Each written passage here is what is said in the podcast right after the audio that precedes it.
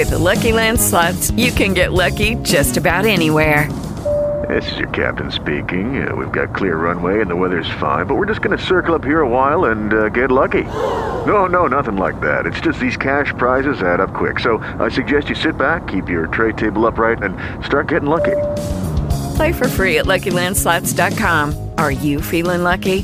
No purchase necessary. Void where prohibited by law. 18 plus terms and conditions apply. See website for details.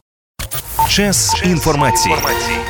Друзі, вітання всім. Це з вами ФМ Радіо з українськими акцентами. Я називаюся Олег Білецький. А сьогодні моїм співрозмовником буде Роман Бабій, народний депутат України від фракції Слуга народу і член міжфракційного об'єднання Розумна політика. Пане Романе, вас вітаю. День добрий.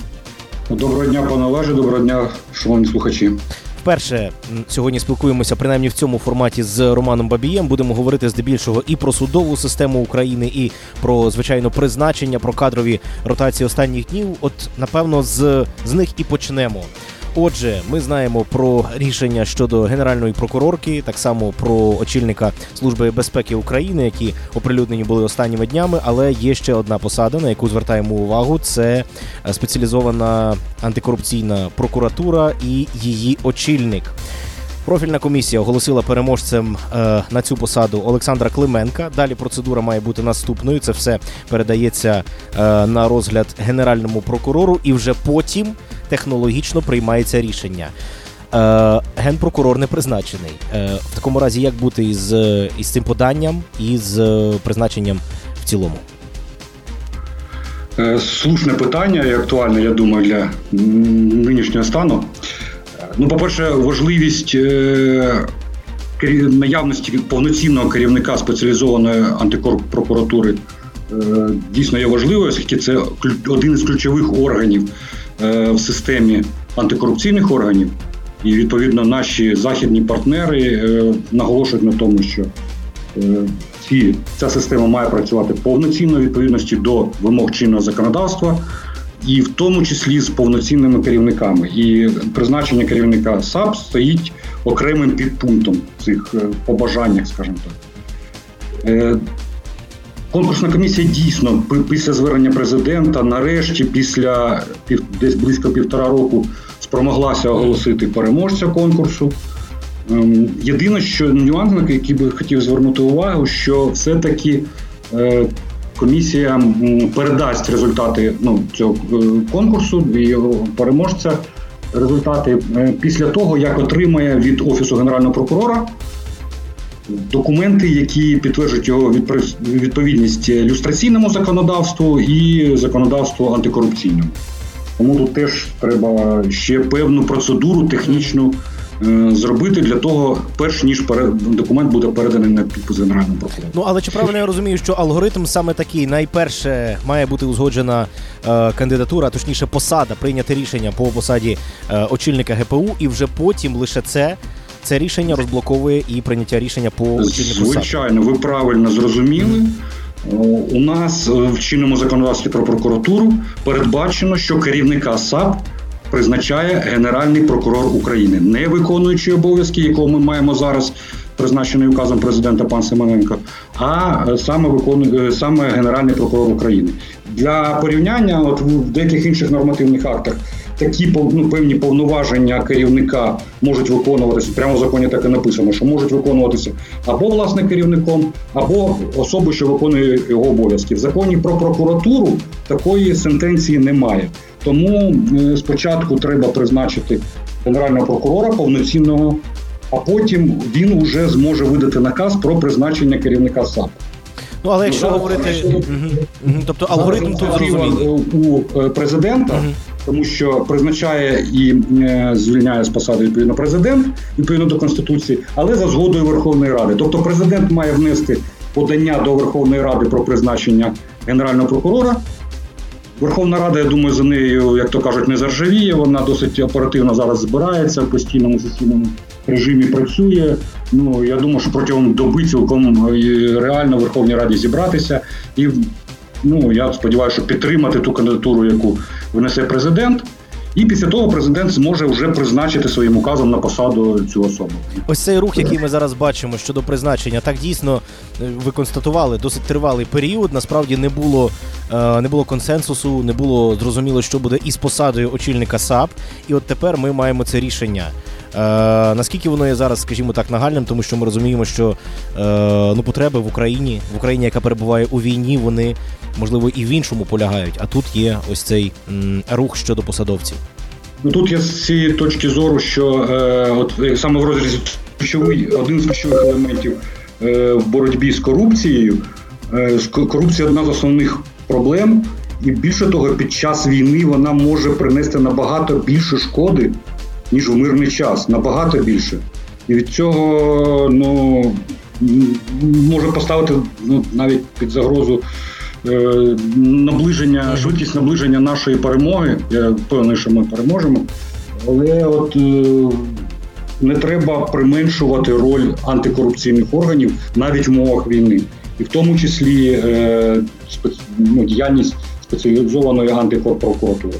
Будемо чекати дійсно на, на ось ці рішення. Тут бачимо, що має бути певний алгоритм дотриманий, і для аудиторії ми популярно пояснили, який саме кого мають найперше призначити, аби, аби потім ем, отримали вже зелене світло і по призначенню очільника САП. Друзі, я нагадаю, е, що сьогодні разом зі мною тут у ефірі Роман Бабій, народний депутат України від фракції Слуга народу і член міжфракційного об'єднання Розумна політика. В наступній годині продовжимо нашу розмову.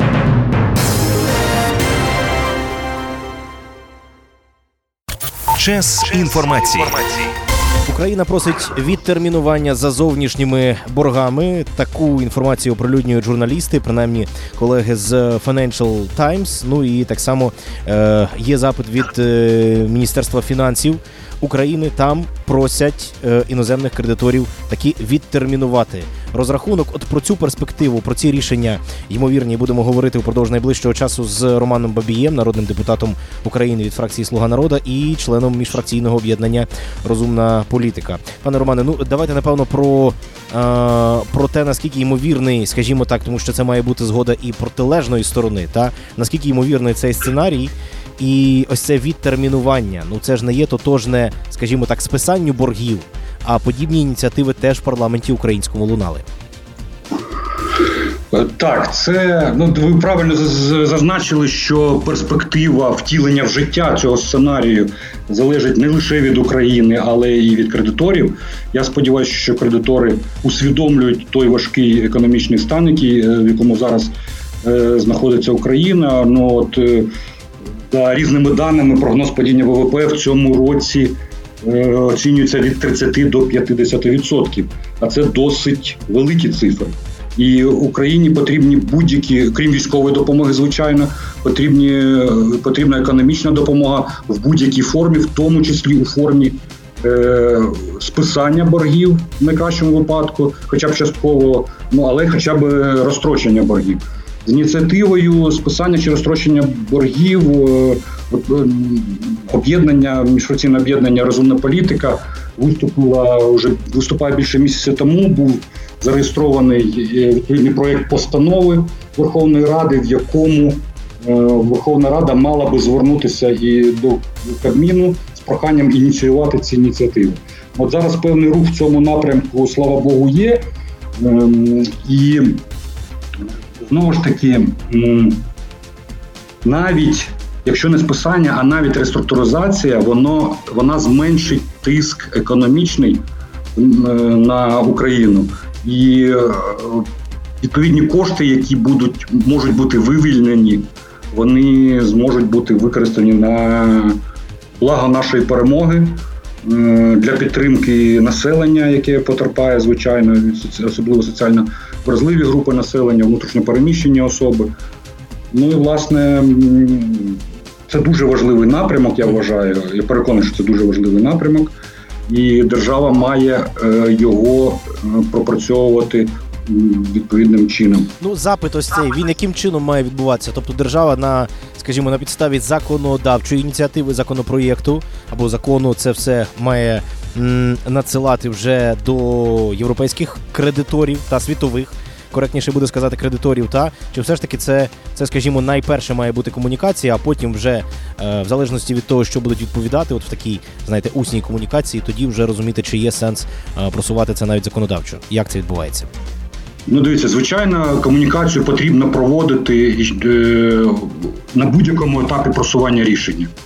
Якщо навіть не буде успіху комунікації, якщо хтось вирішить, що от ми успіху комунікації не маємо, тому, мабуть, не варто подавати е, відповідне, відповідний запит до кредиторів. Ну, на мою думку, це не зовсім коректна і правильна позиція. Треба використовувати всі можливі шляхи. Якщо е, комунікація не дає однозначної відповіді, що такі результату. Е, потрібно Україні буде досягнуто, все одно треба звертатися з офіційними паперами на підставі прийнятих урядом рішень, е, парламентом рішень. Е, от На цій підставі треба звертатися до світових кредиторів і просити їх все-таки зрозуміти ту позицію, в якій знаходиться Україна, наскільки тут відстоюються в тому числі європейські цінності, і піти на зустріч в цьому питанні. Ну а е, скажімо щодо послідовності української позиції, тому що е, ми знаємо, що від початку війни все ж таки Київ офіційно наполягав на тому, що ми платимо по боргах і маємо робити це надалі. Ось ця зміна. Абсолютно очевидними чинниками продиктована, але така потенційна зміна позиції. Е, чи не відіб'ється вона по нас по Україні, маю на увазі репутаційно е, і в подальшій співпраці?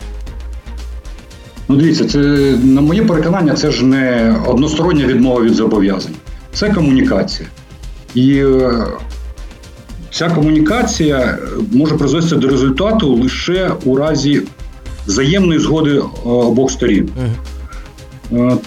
Знову ж таки, можливо, повторюсь, але треба використовувати. Більше того, уряд зобов'язаний, не те, що треба використовувати чи бажано використовувати. Він зобов'язаний використовувати всі можливі механізми, щоб, е, скажімо так, врятувати чи полегшити життя українській економіці. Будемо стежити за тим, наскільки цей механізм втілюється в життя, наскільки його можливо втілити, і про це будемо говорити так само в наших ефірах. Я нагадаю, Роман Бабій, народний депутат від фракції Слуга народу і член міжфракційного об'єднання Розумна політика. Сьогодні з нами тут на прямому зв'язку. Друзі, в наступній годині ми продовжимо нашу розмову.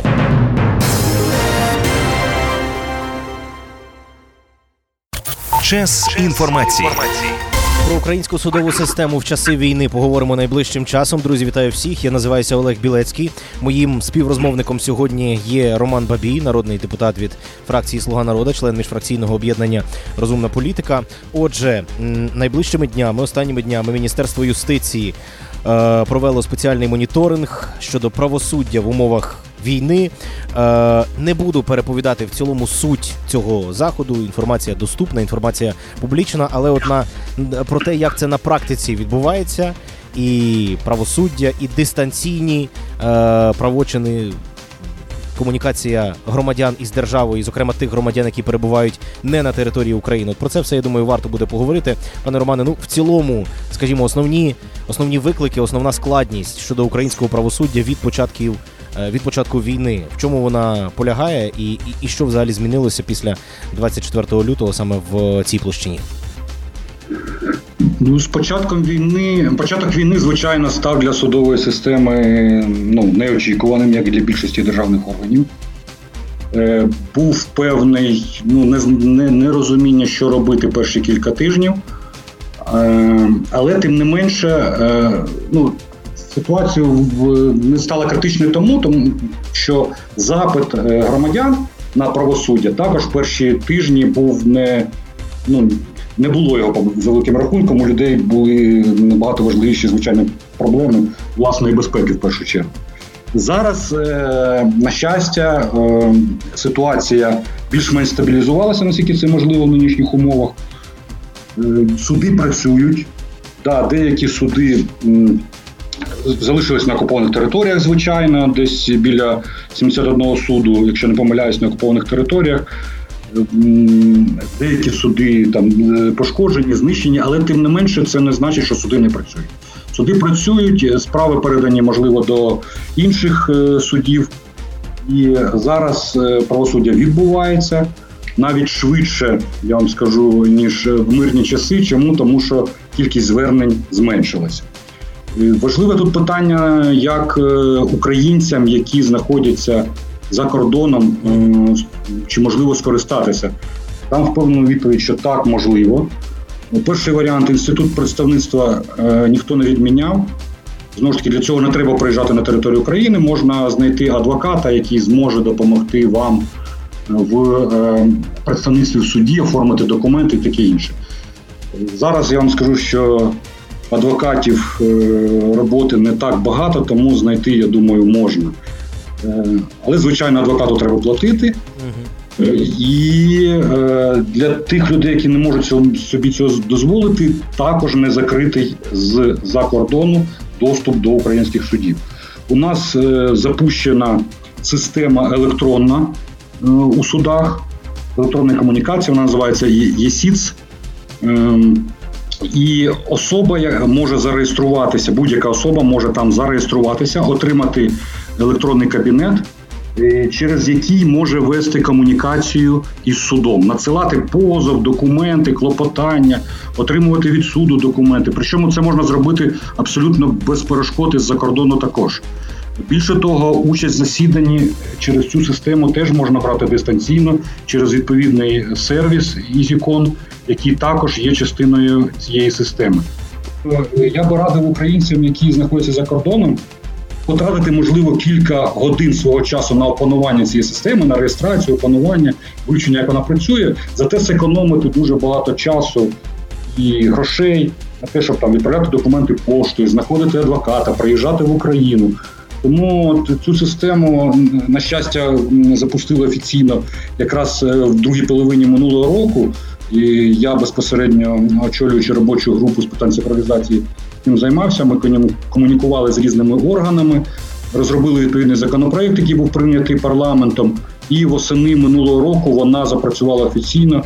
Е, І цей модуль, який дозволяє вести комунікацію дистанційно громадянам, незалежно від місця їх перебування із судом, він запущений в роботу і успішно працює. І ще один, до речі, скажу цікавий е, важливий момент, комусь можливо буде корисним. Е, Зараз е, відкритий доступ до єдиного реєстру судових рішень е, для е, тих осіб, які перебувають на території Польщі. До війни він був закритий е, з іноземних IP-адресів. Е, Після того, як ця система, цей реєстр відновив свою роботу після війни, е, з урахуванням того, що багато українських громадян знаходяться в Польщі, зробили можливим доступ до єдиного державного реєстру судових рішень із Польщі. Це одна з небагатьох країн, де е, така можливість. Тому це також я сподіваюся допоможе громадянам належно захистити свої права, навіть перебуваючи на території іншої країни. Ну, це така абсолютно прикладна річ. Насправді, те про що ви зараз говорите. Я думаю, що для якраз тої аудиторії, яка нас зараз чує в польських містах, це буде важливо, друзі. Якщо раптом з'явилися додаткові питання, або просто ще раз є потреба переслухати, от все те, що ви зараз почули від е, Романа Бабія. Будь ласка, з вами fm.pl. Там ми зберігаємо е, записи наших. Попередніх ефірів, наших розмов з гостями, з експертами. Ну і я думаю, що за якийсь час ми точно повернемося до цієї розмови і розпитаємо про наявну статистику, про те, скільки людей на практиці, маючи ось цю опцію, але на практиці з за кордону із Польщі, зокрема, е, звертаються по послуги, по, е, скажімо так, ем, намагання врегулювати в е, правовий спосіб свої питання до української держави з-за кордону. Отже, Роман Бабій, народний депутат України від фракції Слуга народа, член міжфракційного об'єднання Розумна політика з нами в ефірі. Продовжимо в наступній годині.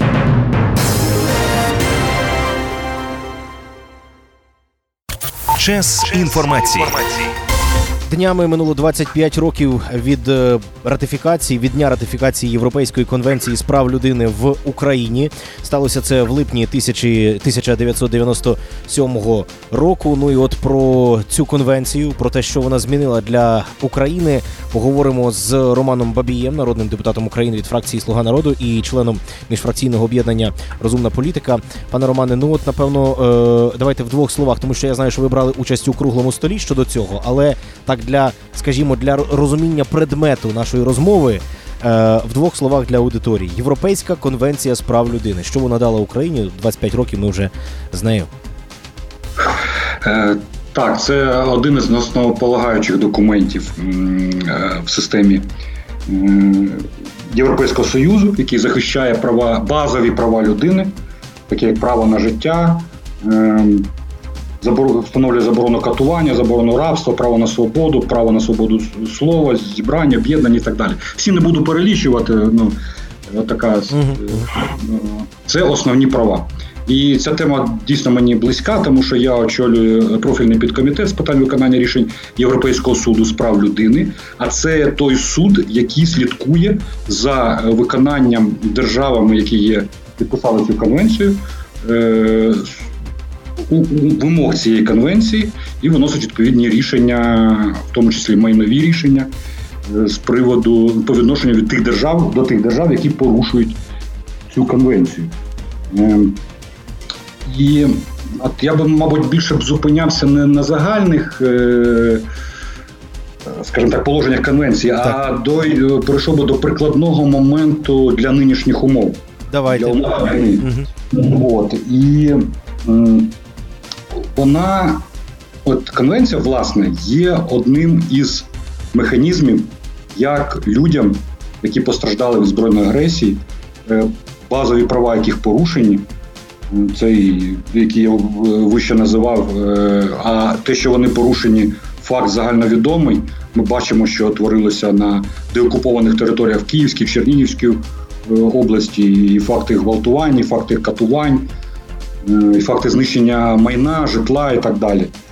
В цих умовах Європейський суд, захищаючи виконання конвенції, може стати досить ну, ефективним механізмом Е, хоча б мінімальне відшкодування за е, порушення прав з боку е, Російської Федерації. Російська Федерація вона вийшла з цієї конвенції, про що це зробила вона влітку цього року. Причому оголосила, що всі рішення, які були до березня винесені щодо неї, вона виконувати не буде. Але тим не менше, Європейський суд з прав людини прийняв резолюцію, що по фактам, які мали місце до 16 вересня цього року, які мали місце чи будуть мати місце, і які свідчать про порушення прав людини, можна звертатися до Європейського суду, і стороною, яка буде відповідати, буде саме Російська Федерація. Ем, на звернення таке дається 4 місяці з дня. Е, власне, коли мав місце з дня, коли мав місце факт, це mm-hmm. той чи інший. І е, тут може виникнути у когось питання, що е, ну, окей, ми отримаємо рішення Європейського суду з прав людини, а як же ми отримаємо гроші? Власне, заради цього подаються до Європейського суду з прав людини. Да? Е, то хотів би зазначити, що да, в нинішніх умовах Росія за великим рахунком відмовилася від виконання е, добровільно, ну, своїми силами відшкодування відповідних сум, які присудить Європейський суд з прав людини. Але е, я впевнений, і, до речі, сьогодні на круглому столі це теж піднімалося питання, що будуть розроблені механізми, які дозволять робити відшкодування по рішенням Європейського суду з прав людини. Поза того, хоче чого чи не хоче Російська Федерація. Уже ми знаємо, частина майна арештована. Російської Федерації за кордоном. Не виключено, що будуть здійснюватися інші арешти.